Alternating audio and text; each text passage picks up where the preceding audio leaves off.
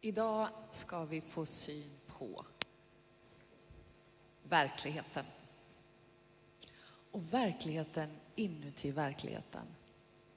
Vi ska få följa med en av Jesus vänner, Johannes, när han genom att en dörr liksom öppnas får syn på Guds dimension in i himlen. Men vi ska börja med en, en vägskylt. En lite oväntad vägskylt. Det var så att eh, på och byggde i Stockholm, inne i centrum och la om vägarna. Och det hade pågått ganska länge. Det var mycket frustration över det här vägbygget som aldrig tycktes riktigt bli klart. Och så en dag, när de kom det där, när bilisterna kommer körande, så ser de att det är en ny skylt uppsatt. Ska jag ta micken? Vill du ta den här? Ska jag ta den här?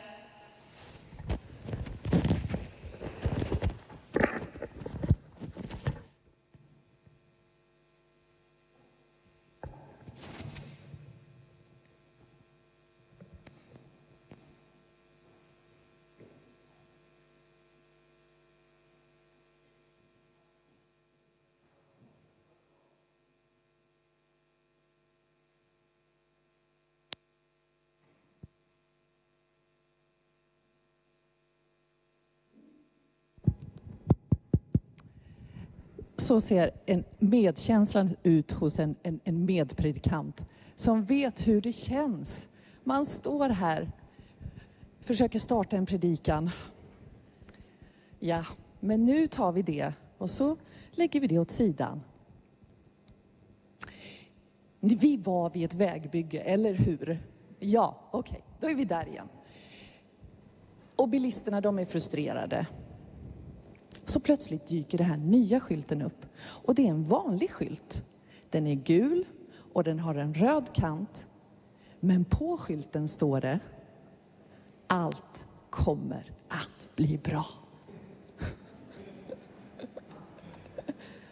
Allt kommer att bli bra. Och jag har googlat Eh, den här skylten dök ju upp sen lite på andra ställen. Och vill man ha en sån här skylt så behöver man bara betala 697 kronor plus moms. Så kan man få en sån här skylt och sätta upp. Och den dök upp lite här och var i Sverige. Vägverket, de tog dock ner den här skylten vid just det här vägbygget. De kände väl att vi kan inte riktigt stå för de här orden. Allt kommer att bli bra. Har ni sett Jonas Sjöstedts memoarer? De heter Allt kommer att bli bra. Klara Simmergrens nya show heter Allt kommer att bli bra. Lale sjunger Det kommer att bli bra. Ann Heberlein, författarinnan, hon är inte riktigt lika säker. Hon kallar sin bok Allt kommer nog bli bra. Ja, men Umeå universitet, de vet. De hade på en mässa för gymnasieelever en stor skylt över sin, eh, över sin stora del där de skulle locka nya studenter till Umeå universitet. Vad stod det på skylten? Allt kommer att bli bra. Jag skulle också vilja läsa på ett universitet som lovar allt kommer att bli bra.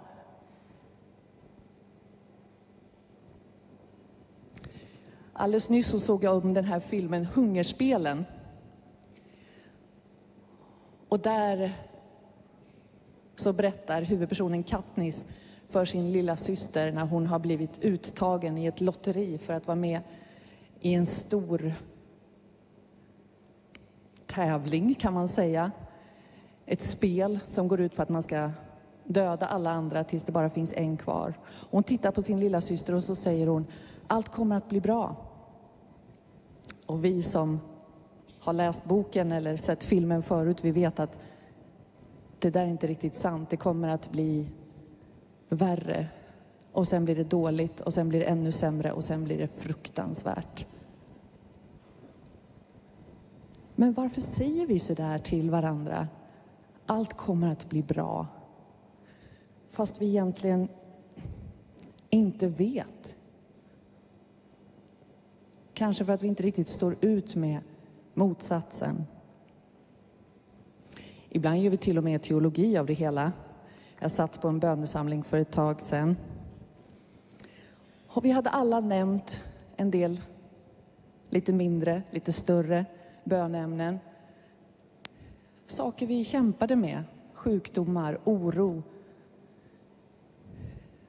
stora knutar och mindre fnurror på tråden. Men det var många saker vi hade nämnt där för varandra.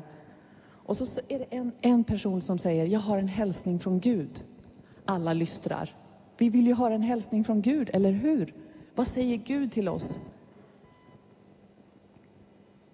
Allt kommer att bli bra. Gud säger, allt kommer att bli bra. Och jag minns att jag tänkte, jaha, vad menar du blir bra? Eh, i nyskapelsen till slut. Nej, den här personen menade nu, här, allt det här som ni har nämnt, allt kommer att bli bra. Alla era problem kommer att lösa sig. Det säger Gud. Ingen sa någonting om det där. Och jag vet inte varför. Kanske för att vi i det där rummet alla insåg att den här personen höll fast vid ett andligt önsketänkande och att ingen av oss riktigt ville vara den där som rev snuttefilten från personen. Allt kommer att bli bra. Det är ju precis en sån ogrundad optimism och falska profetier som undergräver det som är sant, det som är Guds sanna hopp till oss och till världen. Och det är sånt som gör oss cyniska till slut. Och det är sånt som får våra unga att lämna tron och kyrkan. Jag jobbar som lärare på ALT, Akademi för ledarskap och teologi. Wow, kul att se mina studenter här. Så roligt. Eh, det är ett fantastiskt jobb. Vi utbildar mestadels unga, en del medelålders också. Det är inte för sent att läsa teologi, men mestadels unga utbildar vi till andliga ledare i Sverige.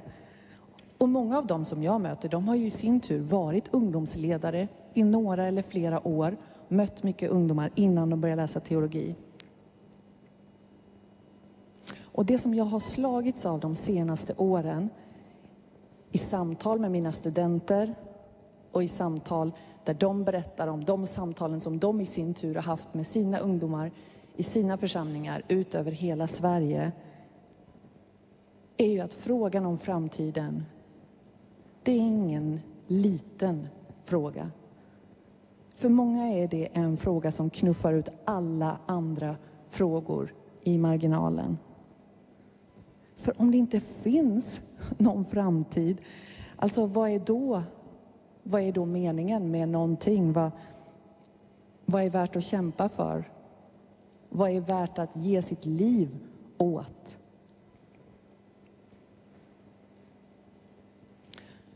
De unga absorberar hudlöst all den fakta som forskarna ger oss.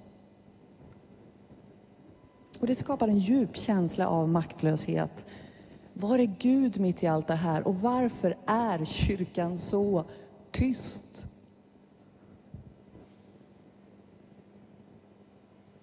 Och jag har fått se mig själv i spegeln. Jag har fått stanna upp och ransaka mig själv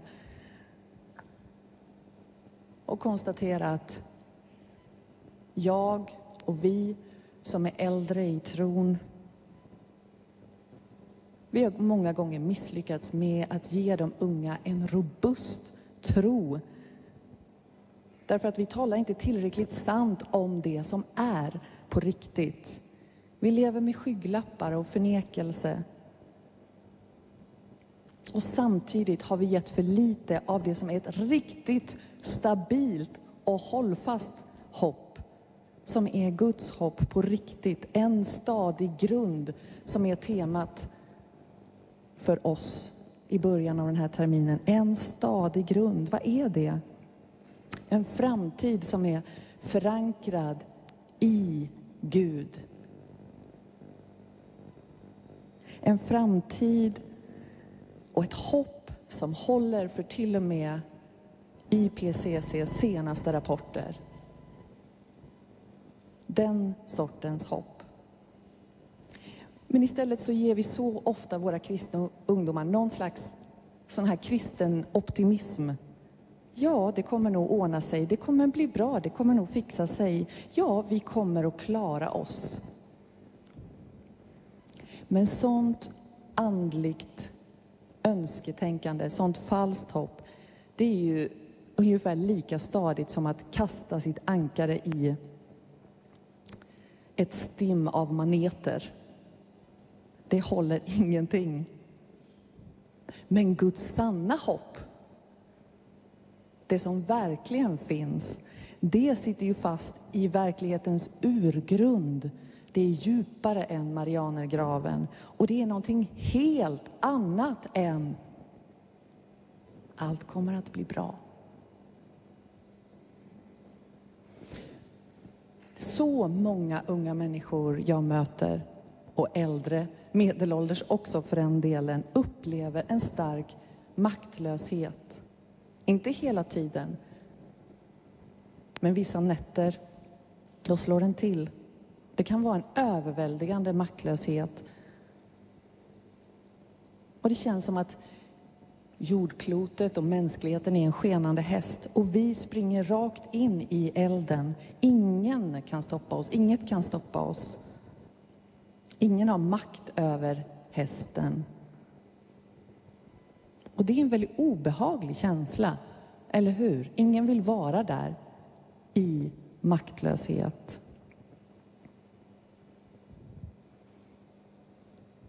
Men alla vi som sitter här tillsammans vi har ju sådana erfarenheter när vi känner att jag kan inte påverka något mer. Jag kan inte göra någonting. Jag känner mig så maktlös. Och med den känslan, med den erfarenheten så kan vi förstå dagens text på ett helt annat sätt. Texten är ju från Uppenbarelseboken 5 som Anna läste för oss. Och Johannes han står där inför Guds tron. Men la ni märke till vad han gör? Han gråter. Han är där med Gud och så gråter han. Inte, inte gråter lite vackert stillsamt. Det står att han gråter häftigt. Johannes hulkar varför, varför är han så ledsen? En väldig ängel, kan ni se den väldiga ängeln, ropar ut med hög röst. Vem är värdig? Vem är värdig att öppna boken och bryta sigillen? Att öppna en bok betyder här att ha makt över historien, makten att skriva det sista kapitlet, makten att ha det sista ordet. Men ingen i himlen, eller på jorden eller under jorden kunde öppna boken och se i den. Ingen.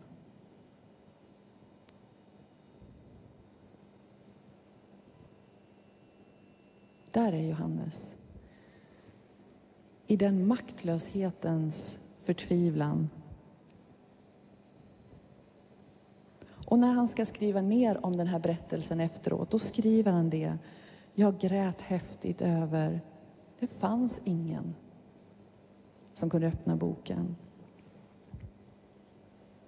Så när vi gråter i vår maktlöshet, då är det samma tårar som Johannes grät. Och då är han ändå i himlen. Han är inför Guds tron. Ändå gråter han.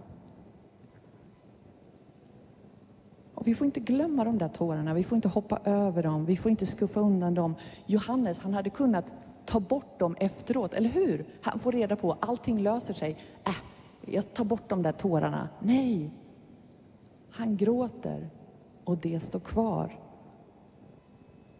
Därför att de där tårarna, de talar sant om världen. Och i de där tårarna finns det tröst eftersom vi gråter tillsammans. Och i tårarna så finns det också en kraft, en go, en stöt. Ja, men vi behöver göra någonting. Att arbeta för förändring. Allt det finns i att tala sant, att se sant på världen. När vi gör det, då gråter vi. Där börjar Guds hopp. Men det slutar inte där. Det slutar inte där. Vi får inte stanna där, utan vad händer sen? Jo, en av de äldste lutar sig fram till Johannes och säger Gråt inte. Gråt inte. För han har segrat lejonet av Juda. Han kan öppna boken. Han har makt över historien. Så Johannes han hör om ett lejon och så vänder han sig om och så ser han ett lamm. Och det ser ut att ha blivit slaktat. Ett lamm som ser ut att ha blivit slaktat. Och när jag försöker föreställa mig den här scenen, hur det ser ut där, så kommer jag att tänka på den här målningen. Den är målad av eh, en konstnär som heter Surburban. Eh, och den är målad i början av 1600-talet. Och den heter Agnus Dei, Guds lamm. Det här lammet är inte slaktat. Men han ville fånga lammets maktlöshet. Fötterna är bundna. Han kan inte röra sig.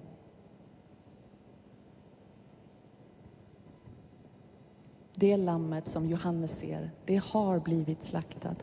Och det är därför som han är den som får och kan öppna boken. Och det är därför som han har makten att återställa hela skapelsen, jorden, universum, så som det är tänkt att vara.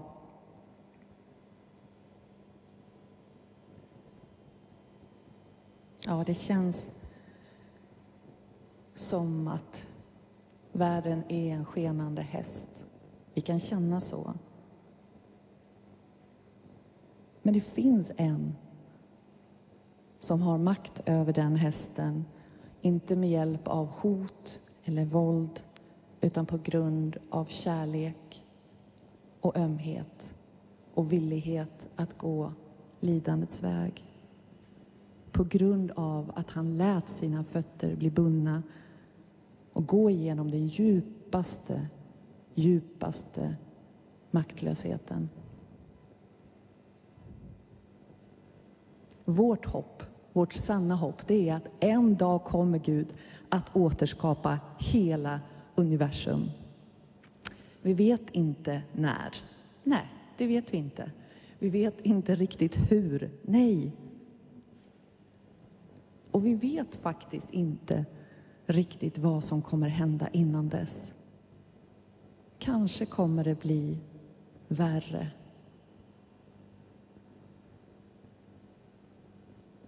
Speciellt för våra syskon.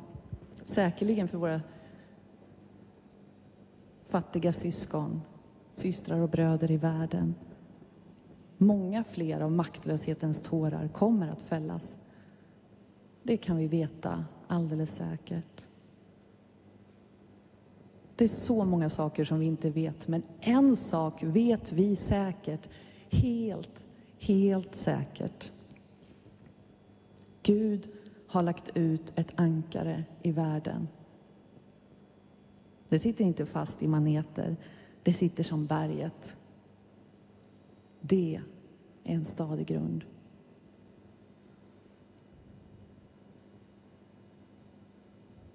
För ett tag sedan kom det en låt som heter Allt kommer inte bli bra. Eller hur? Man såg det komma. Vem, vem sjöng den? Såklart.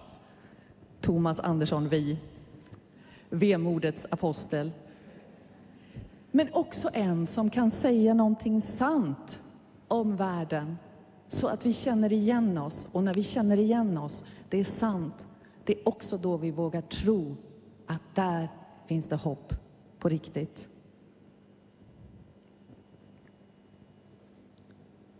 Låt oss göra som Thomas, som psalmförfattarna, som Johannes i Uppenbarelseboken.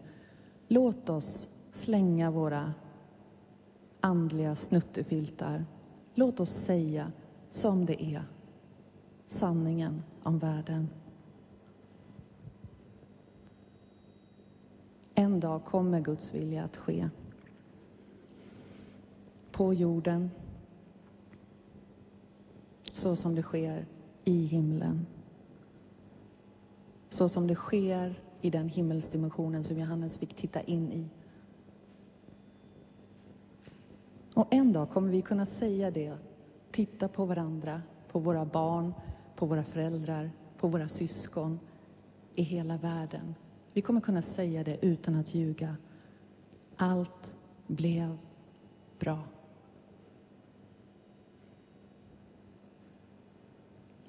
Herre, vi tackar dig för det. Det är sanningen.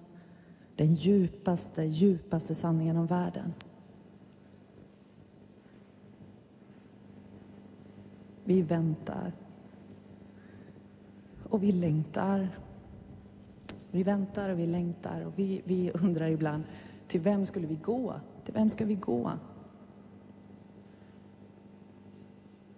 Herre, vi ber att vi skulle vara människor. Vi om några borde väl kunna vara de som säger sant om världen, därför att vi har ett hopp. Vi vet att det hänger inte på oss som människor. Vi vet att vi inte behöver låtsas. Vi behöver inte hålla fast vid falsk optimism. Låt oss titta klarrökt. Utan förnekelse, utan skygglappar, på det som är. Utan att falla ner i förtvivlan och hopplöshet. Utan för att finna ditt sanna, äkta, djupa, djupa hopp som sitter fast i en berggrund som inte går att rubba, som inte går att flytta, som ingenting kan få att ändras.